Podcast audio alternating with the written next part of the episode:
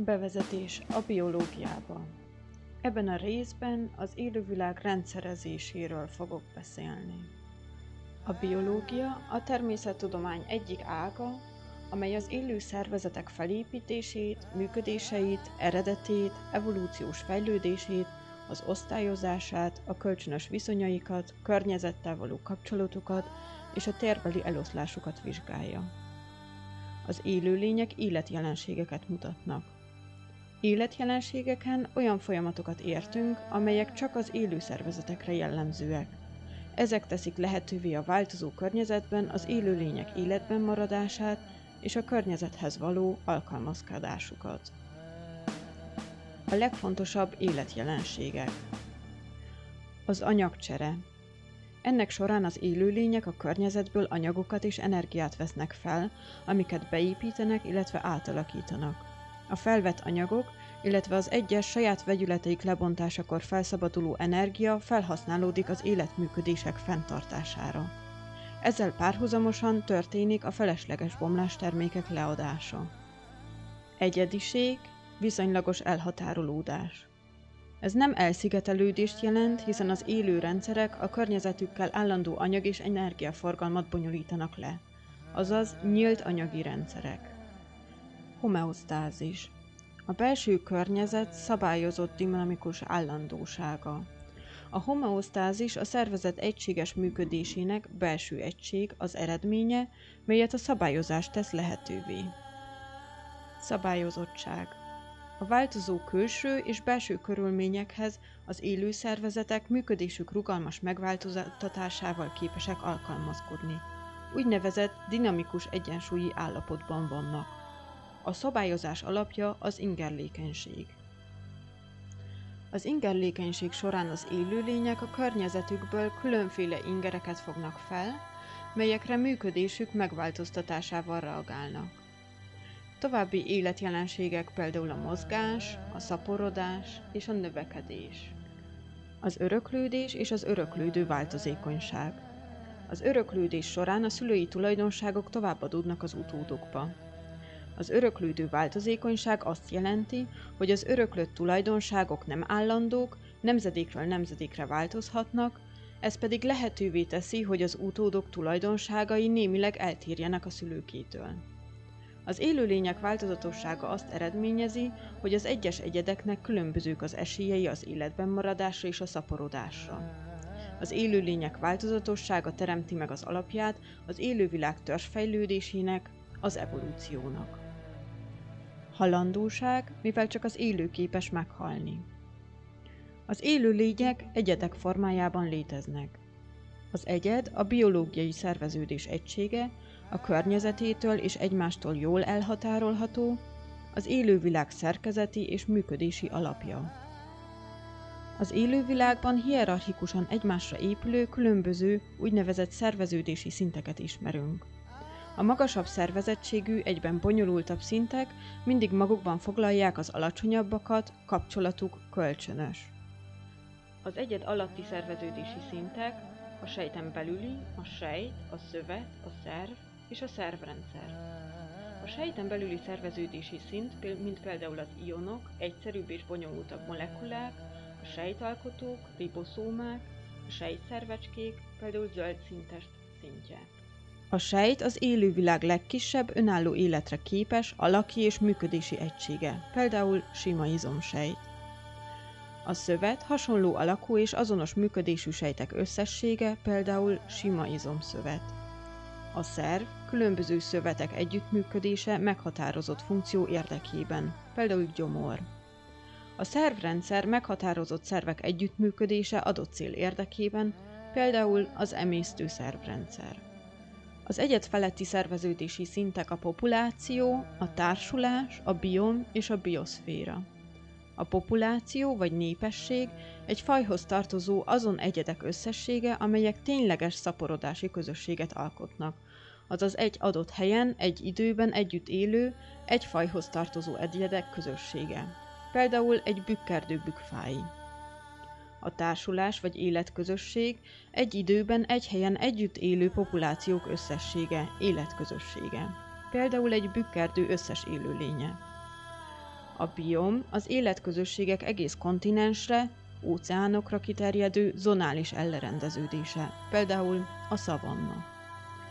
A bioszféra a vízburoknak, levegőburoknak és a földkiregnek azon része, ahol az élet létezik. A rendszertan alapjai Alapvetően kétféle elv szerinti rendszer létezik. A mesterséges, kiragadott, önkényesen választott bélyegek alapján rendszerez. A természetes pedig a fajok rokonsági viszonyait tükrözi, alapja az élővilág törzsfejlődése, az evolúció. A mesterséges rendszerek Arisztotelész a Krisztus előtti negyedik században az állatokat két csoportba sorolta. Vörös és nem vörös vérű állatok. Az első tudományos igényű rendszer megalkotója Karl Linné, svéd orvos, természettudós volt, aki a 18. században munkálkodott. Linné érdemei Rendszerének alapegysége a faj. Megalkotta a rendszertani kategóriákat. Bevezette a kettős nevezéktant. Linné a növényeket önkényesen, például a porzók száma, portokok helyzete, párta alakja, stb. alapján csoportosította. Rendszerének alapegysége a faj. Mindazon egyedek egy fajba tartoznak, amelyek lényeges külső és belső tulajdonságaikban nagy mértékben hasonlóak, egymással szaporodni képesek, és önmagukhoz hasonló termékeny utódokat tudnak létrehozni. Származásuk közös. A rendszertani kategóriák. Faj, például Homo sapiens, nemzetség, például homo, család, például emberfélék, rend, például főemlősök, osztály, például emlősök, törzs, például gerincesek. Mindegyik kategóriának lehetnek alcsoportjai is, például alosztály, alrend, stb. A faj alatti rendszertani kategóriák. Alfaj. Önálló földrajzi el- elterjedésű csoport, melynek egyedei jobban hasonlítanak egymáshoz, mint a faj többi egyedéhez, például az emberi nagyrasszok. Fajta, mesterségesen nemesítéssel, tenyésztéssel létrehozott faj alatti egység, például kutyafajták. A kettős nevezéktan. Minden faj latin neve két névből áll. Az első név a nemzetség neve, a második név a faji különbség. Például Canis lupus, farkas. A latin név egyből felhívja a rokonfajokra a figyelmet, hiszen a leszármazási kapcsolatban lévő, egymással rokonfajok egy nemzetségbe tartoznak.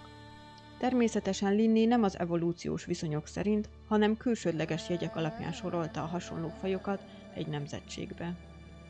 A természetes rendszerek A fajok rokonsági viszonyait tükrözi.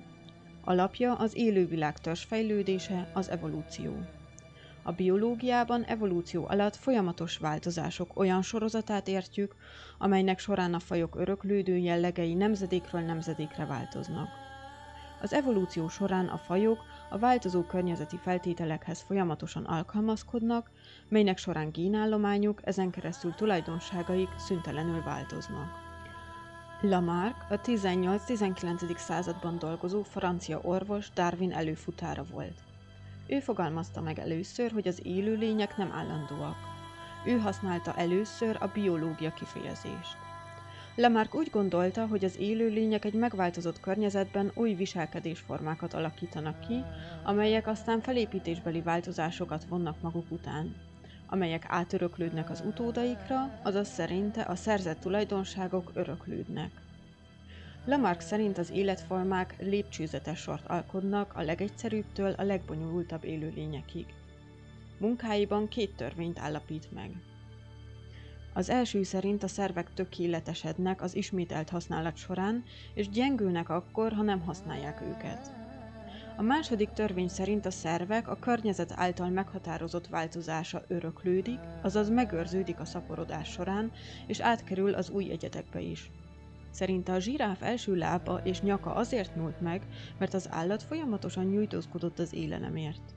A megnyúlt nyakat az egyedek tovább örökítették. Darwin 19. századi munkássága nyomán alakultak ki a fejlődés történeti rendszerek. Fő műve a fajok eredetéről.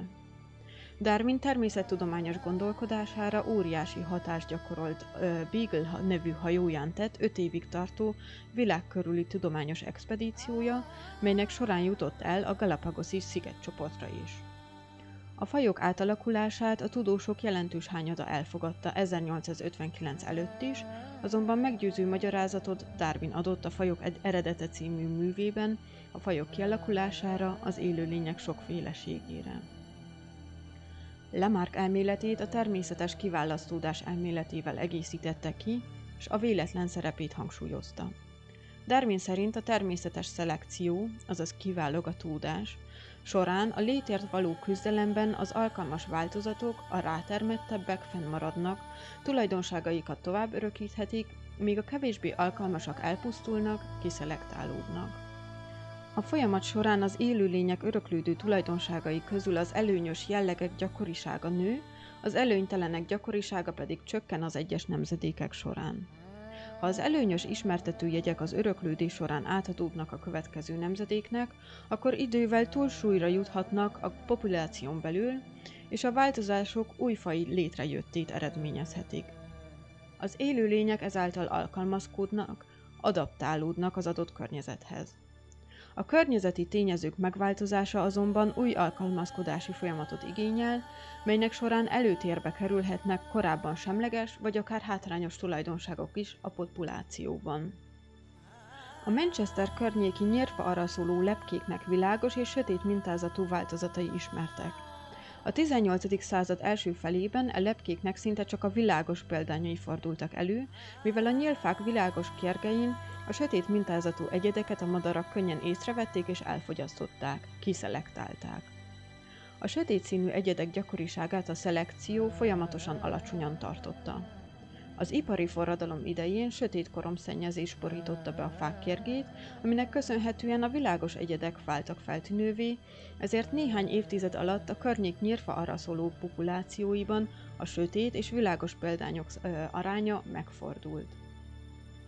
Régebben, a 19. század végéig a természetes rendszerek az élőlények külső és belső megfigyelhető tulajdonságainak összehasonlításával próbáltak a rokonsági viszonyokat megítélni. Ez alapján úgynevezett törzsfákat készítettek, amelyek szemléletesen tükrözik az egyes csoportok rokonsági kapcsolatait.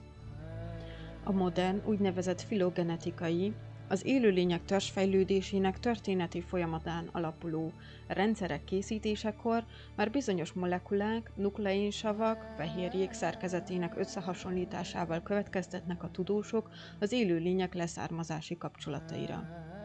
Minél nagyobb a hasonlóság két faj adott molekulái, például gerincesek esetén a hemoglobin között, annál közelebbi rokoni kapcsolatban állnak. Ezek segítségével a kutatók ma már molekuláris tősfákat készítenek. A DNS vizsgálatának óriási előnye, hogy matematikai módszerekkel is elemezhető, így sokkal pontosabb, mint az egyes önkényesen kijelölt, külsődleges jellegek értékelése alapján megbecsült leszármazási viszony. Az evolúció közvetlen bizonyítékai Az evolúció közvetlen bizonyítékaiként az egy- egykor ért élőlények maradványai szolgálnak. Ilyenek például a fosszíliák, amelyek az élőlények különbözőképpen megőrzött maradványai, ezek lehetnek kövületek, lenyomatok, borostyán kövekben megmaradt zárványok, hideg által konzervált ősmaradványok vagy élőkövületek. A kövületek valamikor élt élőlények megkövesedett maradványai. A lenyomatok az egykor élt élőlények testének lenyomatai. A zárványok borostyánkövekben fennmaradt, főleg ízelt lábúak maradványai.